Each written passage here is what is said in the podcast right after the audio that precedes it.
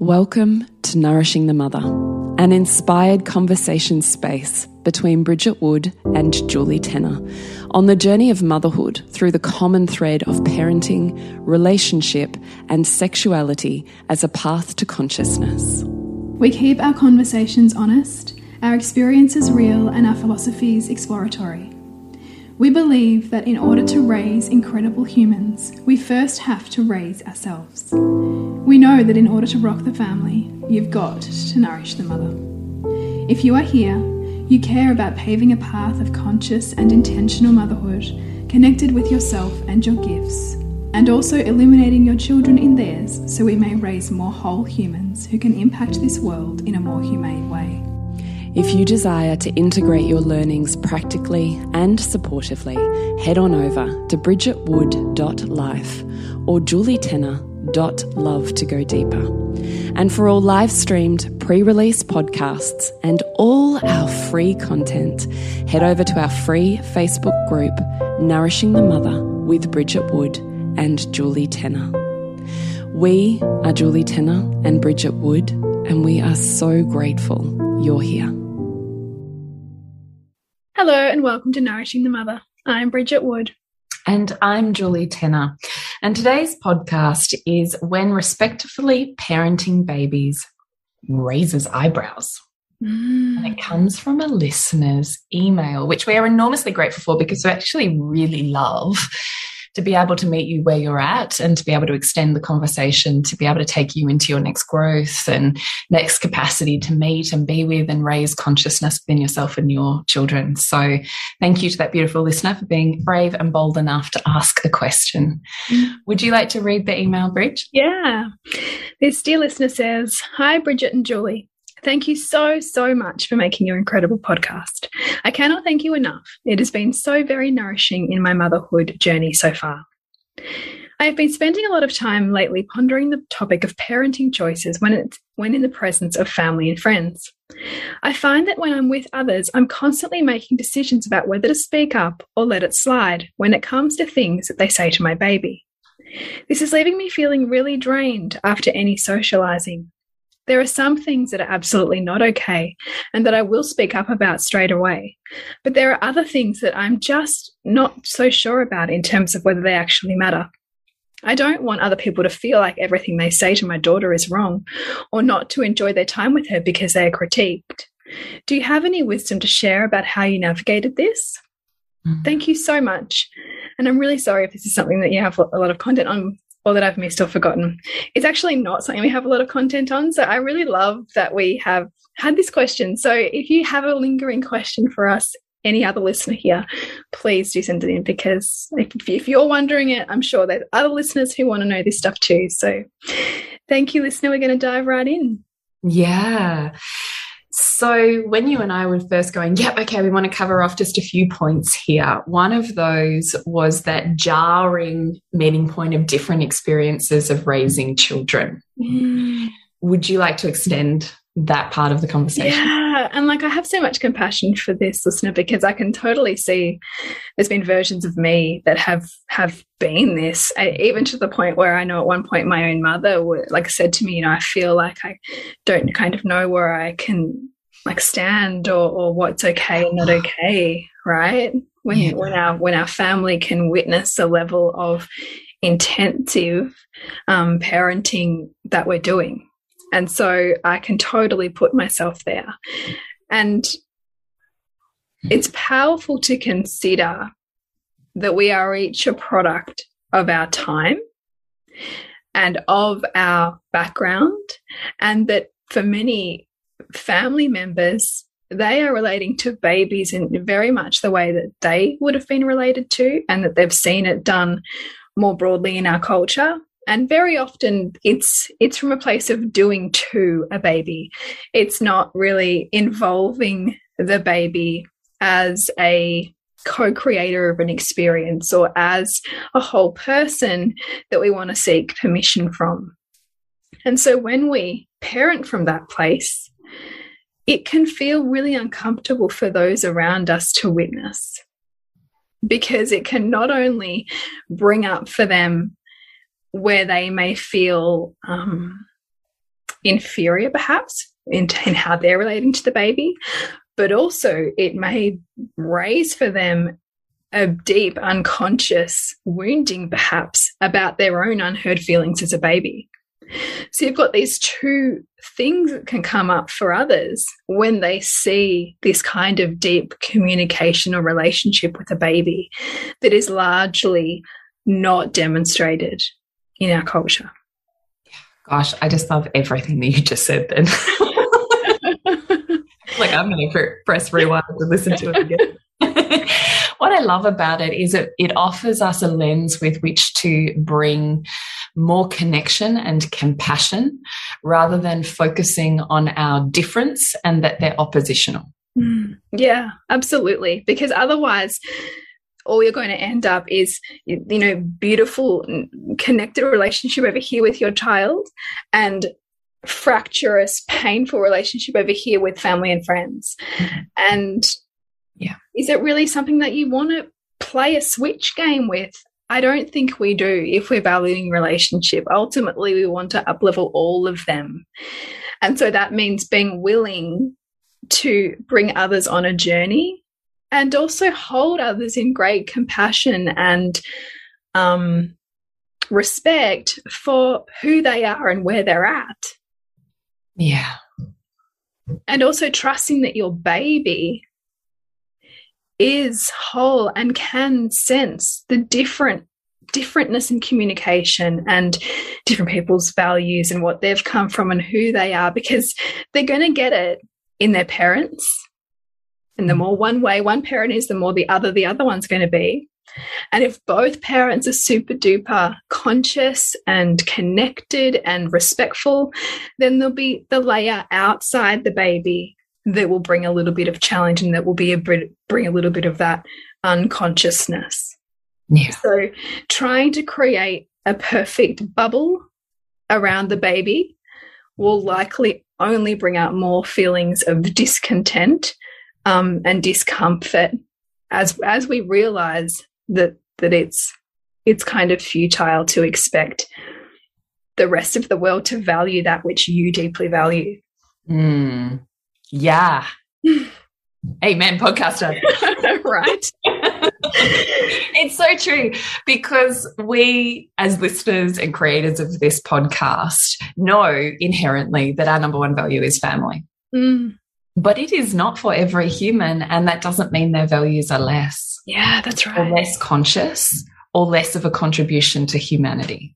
Or less of a contribution to this child, right? Like yeah. every parent or every person in a child's life will love that child through the lens of their own values, right? So, like, I'm not going to expect my mum to sit there with my children's rage, but I watch her with her dedication and her presence when she's teaching them something or when she's guiding them in a process through her her art.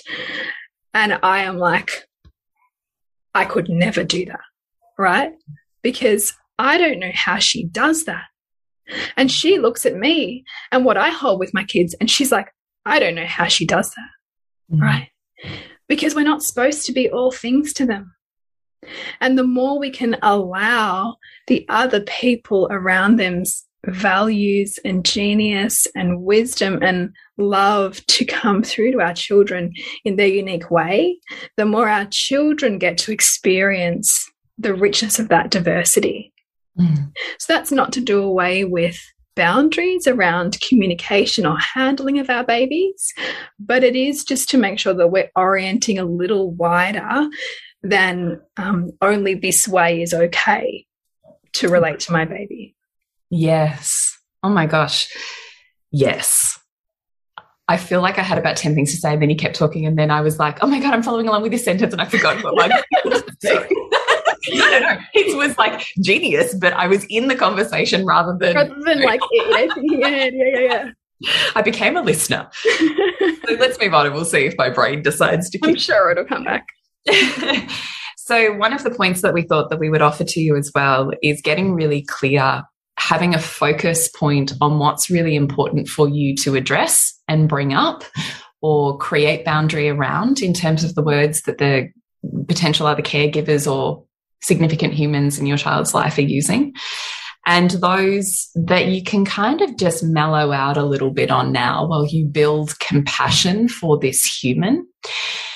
And I would say to you, the step with that that I learned was to stop assuming that my way of loving was the best way of loving. Mm. And instead to lean back a little bit because I have the inclination to lean forwards into change. Mm. What happens when I lean back and I observe?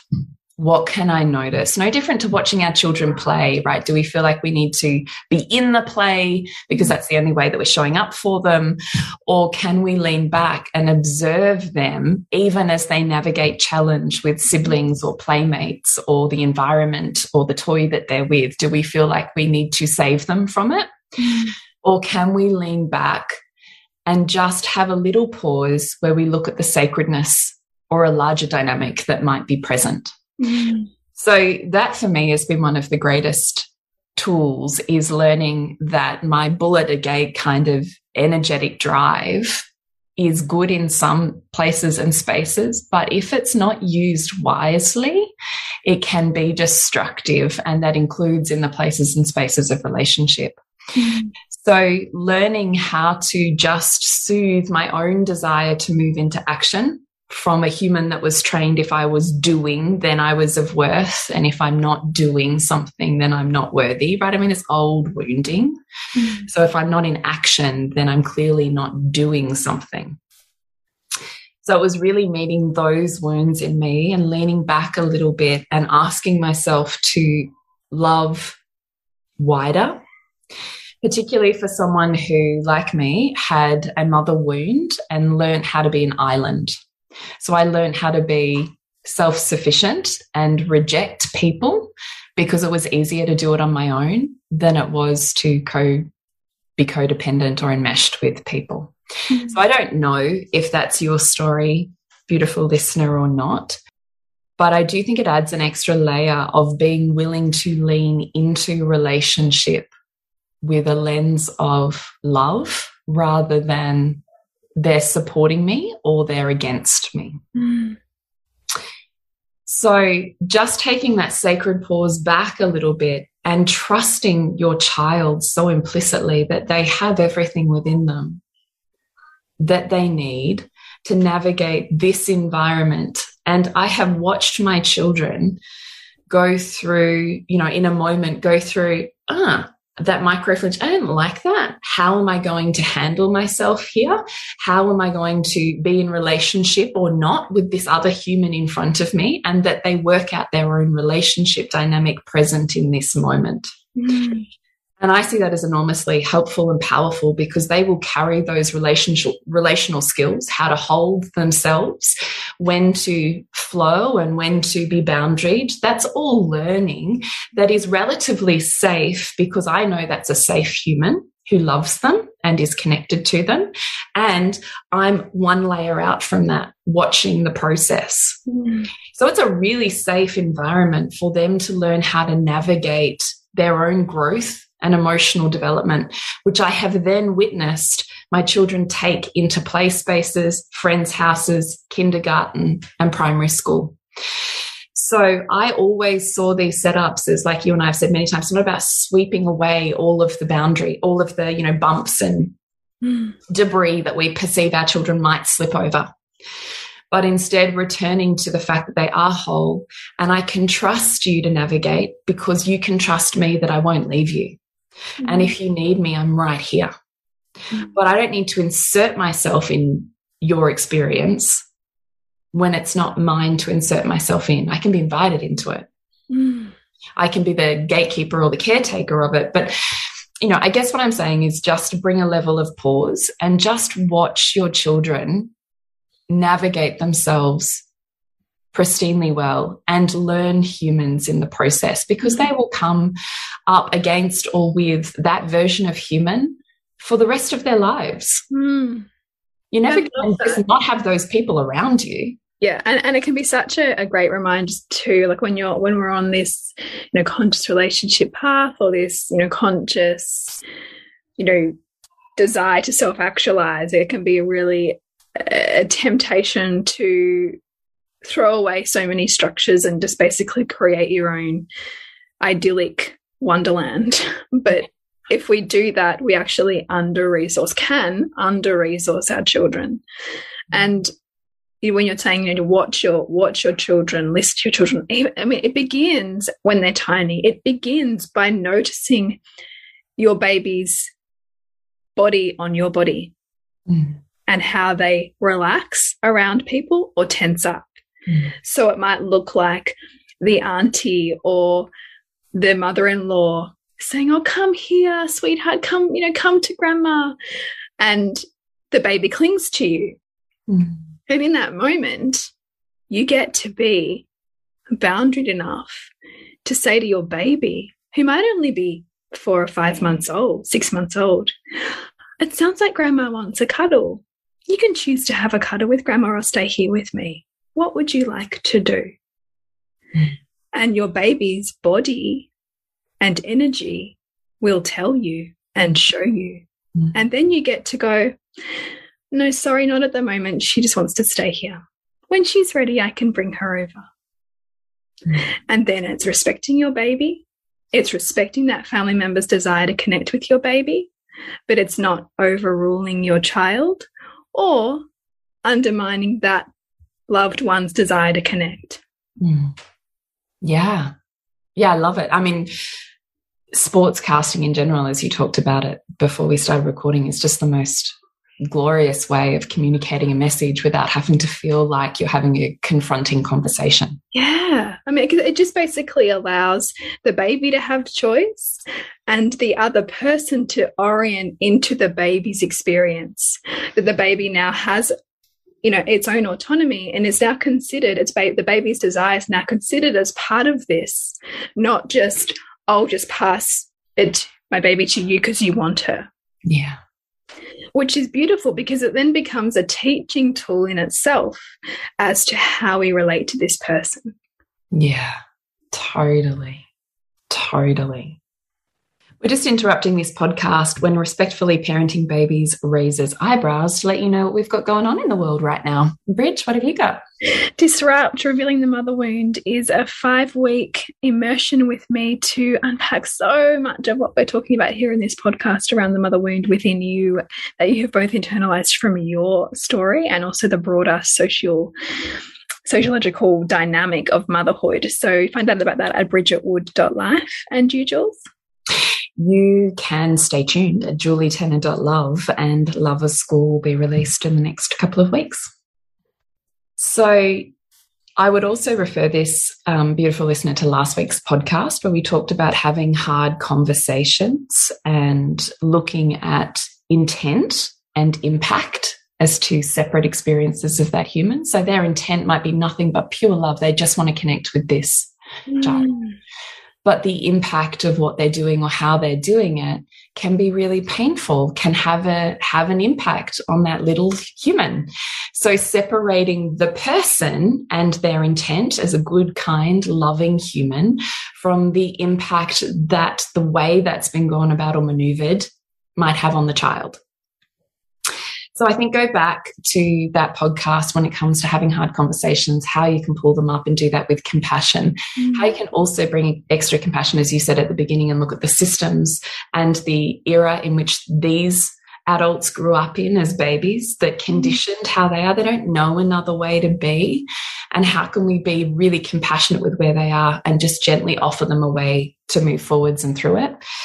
And I would return just again to getting really clear on what you want to focus on. So I don't think it's worth going, I'm going to protect my child from everything. But it might be you're like, you know, this thing, I can't, no, we're not, we're not doing that. So for me, it was Suki Lala. So my in-laws would say Suki Lala a lot. Well, I'm thinking for my firstborn, I think it was eliminated by the time we got to my second. But certainly with my firstborn, if he um, was emotional, be, oh, stop being such a Suki Lala. And that was the thing that I chose to focus on. Mm. And so I would do one, the sports casting, and two, say, we don't say Suki Lala because he's having feelings and that's okay. He can tell us how he's feeling. Mm. And then I would navigate towards him. And then they'd say again, we don't use the word Suki Lala we meet his feelings. Mm. You know, mm. and it was only, it probably only needed to be said three or four times. And I don't know that it really appeared again. Mm. So it's amazing how quickly people will orient towards you when you maintain connection because we are connection seeking beings. And if you can maintain love and connection, people want to love you well. They want to be in relation with you. Mm -hmm. And your boundaries just tell them how. But if you're like hard and fast and you're like, you're so and you can't and you're damaging, it's just like, oh, yeah, okay, this thing just happened. I don't know if you know, like from our podcast last week, but you know, we don't use those words for these reasons. Mm. What we do instead is this. And then I would turn to my child and do it. And then be back, you know, how was Sunday? How's the weekend? Mm. Like it's not about that it needs to be in, in a fracture to relationship. It's just a way of guiding into the type of relationship that you want to have mm. and boundaries that another person learn how to love you well, right? So, but they can be delivered in a really beautiful way at the same time as being compassionate. That I could hear the words, you're being a Suki Lala. And initially I was incredibly triggered by them. But that was because I had grown up never having my emotions listened to. So I was like Joan of Arc on listening to feelings. I was like, every feeling must be listened to or you're damaged for life, yeah. you know. So them saying that each time was really triggering for my inner child. But as I healed those pathways and as I navigated what it meant to be really conscious, not just listen to every emotional rupture from my children. I could actually soften into that and see and feel into the fact that their intent was they really wanted to this child to have a really good time in their presence. And they were really unsure how to be. When that child was displaying they weren't having a good time. They didn't know how to mm. navigate that well. Mm. so the way to move that through is like so often that we do as we spoke about in last week's podcast is to use some sort of derogatory humor yeah, we do. Which that's just a, that's just a childlike version of a derogatory yeah. remark. Right. Exactly. Mm. And so I could see that. And what I started to realize was, oh, they really want to, to be in connection with my child. They just don't know how. Mm. So as soon as I could be a bridge and be like, yeah, that looks really hard for you, mate. How about we go do this and we'll do it with Nana? Or, you know, whatever, like inviting them in on that process, I think is a way of, of everybody feeling better loved mm. and creates better relationship and better circumstances for your child. At the same time as recognizing if you're like me and, and going through phases of, you know, Joan of Arc esque forging through triggers, might be more of your inner child than your child's experience right now. Mm that's a really powerful one to put the lens on because our children will just pick up energetically where where what we're most stuck with. And so it'll often come up in those scenarios right? Like when the in-laws are over when you're in family events you know just because they'll sense the energy there in the space. And if we're not expressing it someone's going to take up that space and it will pull us forward as to okay well how do you want to move with this are we going to shield our child? You know, make the other party wrong? Are we going to exit the space? Or can we find a way, like, like you're outlining there, Julie, of how to move into that desired boundary in a mm. way that can stay in connection with these people? Mm, yeah, totally. Totally. Is there anything else that you'd add on to your own personal experiences of that? Mm, I can just really feel into, you know, also what I sense was a lot of my unmet, you know, early childhood needs around feelings mm. that certainly discouraged, not listened to, possibly punished. And so, certainly with my son, with my first, I'm quite sure that like my family would struggle to see how much I would drop everything in their in their view to meet feelings. Um, but I was pretty unapologetic about that being a priority for me. But I had to come to terms with it fairly quickly that that wasn't while my parents and, and others are very caring and very you know centering themselves with my children that that wasn't how they were going to likely meet feelings. And so for me, it was recognizing that my children, therefore, would sometimes hold themselves together. Yeah. No spaces. And so they'd come home and there'd be all the feelings. I'm so glad and, you said that. That's so beautiful. And I could, and, and much like parents who send their children to daycare or, or some other kind of care, um, children learn where they can release their feelings and where it's going to be safer just to keep a lid on it. Yeah. And then there's only so much they can handle before it's all going to come out. And it likely comes out when they come home. Oh, so much, yes. So I would just create, and I continue to. It happened today with my five year old coming back from kinder, that I just know to leave room for that. Yeah. To and so therefore, if it's not something that I, so therefore, because I don't resist it, it's not something that's persisting underneath, you know, everything in our relationship. It's like, okay, well, this is here, let's just be with it. We'll and you then make stories in your head or attach meaning to, well, that means they're damaged, they're not having their needs met in that care facility because they're coming home and bursting into whatever emotions are coming out.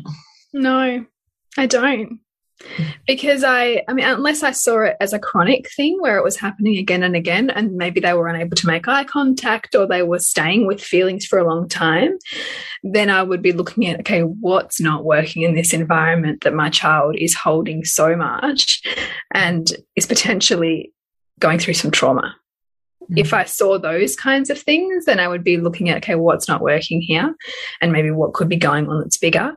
But if like my five year old, it's a couple of big outbursts and big feelings and emotional roller coaster stuff for maybe 20 minutes. And then she's back to herself on the other side of it. I know that that's just a lot that she's held in her day and she's now safe enough to let it go. And then we can move. And then she just moves on with the rest of her evening. Mm. Um, I don't, I wouldn't typically make it mean, um, that it's not the right environment because I think that as children stretch beyond us, they're going to have to navigate tricky relationships, feeling unheard, not getting what they want. And if there's not room for that to be listened to or met, then they kind of tuck it in their back pocket. But it can only stay there for so long before it weighs them down and it has to be heard. Mm. And so I see my role as let's lay all let, let's unpack those pockets that are weighing you down from your day and and meet it and move through it and then i think that kids can handle being in different environments as long as they're safe and respectful environments yeah. they're incredibly resilient they are incredibly resilient. And I would also say it's such, a, I always think, what a wonderful invitation into your children working out their own relationships with other family members, yeah. as opposed to having a relationship via or through you. Yeah. What is it like for them to actually establish their own untainted experience of another human, mm. colored through my lens? And I am like I'm surprised and I'm also not surprised at all that all of my niece and nephew, each of my four children, I've watched them intimately in the space of other family members and caregivers. And I promise you, by the time they're 13, they know exactly who that human is. Mm. If they're allowed to, they've worked everything out about that human that they need to work out. Mm. Mm. And I think that's an enormous gift. To be able to allow them that to allow them that, mm. for them to truly see another human as they are, warts and all. I think that's an enormous gift. And to decide who and how they bring themselves and what level of relationship they have with that human based on what they know about them, that's an enormous gift. Mm. But that only happens when you let them. Yeah, and it also only happens when we let ourselves be in the discomfort of maybe our family and our child struggling in relationship with each other like that can happen with you know me watching my kids and my mom and like my toddler today like didn't want to go to my mom at all. Didn't yeah. want to engage. And that's okay. Mm. like i've got i want to make that okay for her to be authentic in relationship. My mom has learned for that to be okay. She might have a little bit of pain around that but ultimately if we want to have respectful relationships we want these people that we're in relationship with to be safe to be authentic with us and so that can sometimes feel uncomfortable to watch people navigate that. But if we're truly going to be gifting them the skills of relating from who they are rather than constantly mitigated, you know, by us, then we need to give them that, which means we need to be willing to sit in the tension of that mm. as we allow them to navigate that. Sometimes I'll step in if my kids need some help. Yeah. with a toddler, I'm not going to ask her to do something she's clearly not in the space to do. Yeah. Yeah. Absolutely. Yeah. Like, got to have our kids' backs, but just make sure it's something that you can perceive through their body or their literal asking they need versus you reading an inner child response. Mm. Reacting from your own wounding is what I would say. Yeah, absolutely. So, what have you got going on at the moment, Bridge? I have got Disrupt, Revealing the Mother Wound, which is a beautiful space and container to come and unravel so much of these stories if, if, if what this podcast is bringing out resonates with you. Because until we examine the mother wound, we can stay on this kind of perpetual hamster wheel of, of ungrounded, um, I want to say almost relational pain because we're constantly trying to avoid the thing rather than going, what's here? What are the stories that are consuming me? What have I internalized outside of me that I'm carrying? And what would it be like to decide what I really want to hold on to and what I want to leave? So that's a five week um, immersion with me, which begins on the 25th of October. So you can find out about that at bridgetwood.life. Mm. What about you, Jules? What have you got going on? Well, I don't really have anything going on at the moment. Honey Club's always available for anyone who wants to jump into monthly or weekly feminine reminders and relationship expansion. And I'm currently in the process of building Lovers School. So in another few weeks, that will be released. So exciting. Yeah, it is. Yeah, yeah, it is. So you can find out more about that at julietenner.love. You can find us at nourishingthemother.com.au, Nourishing the Mother on Facebook and Instagram. If you have five seconds, leave us a review. If you have five minutes, we would love to hear from you about what you would love to hear in your world and in the podcast. That would we be sure would. delicious.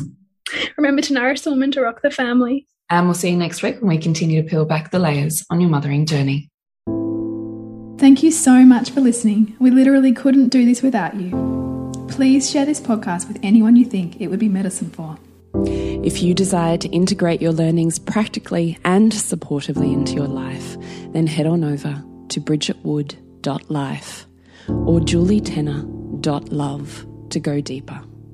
And if you feel like giving back a little to this free content, please rate us on iTunes or Facebook, all of which helps the podcast reach more mamas who need this type of tonic for the soul.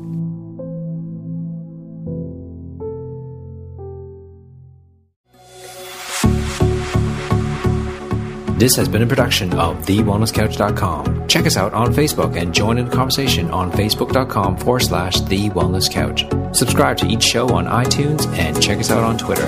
The Wellness Couch, streaming wellness into your lives. Whilst the Wellness Couch presenter endeavor to provide accurate and helpful information to their listeners, these podcasts cannot take into account individual circumstances and are not intended to be a substitute for health and medical advice from a qualified health professional. You should always seek the advice of a qualified health professional before acting on any of the information provided by any of the Wellness Couch podcasts.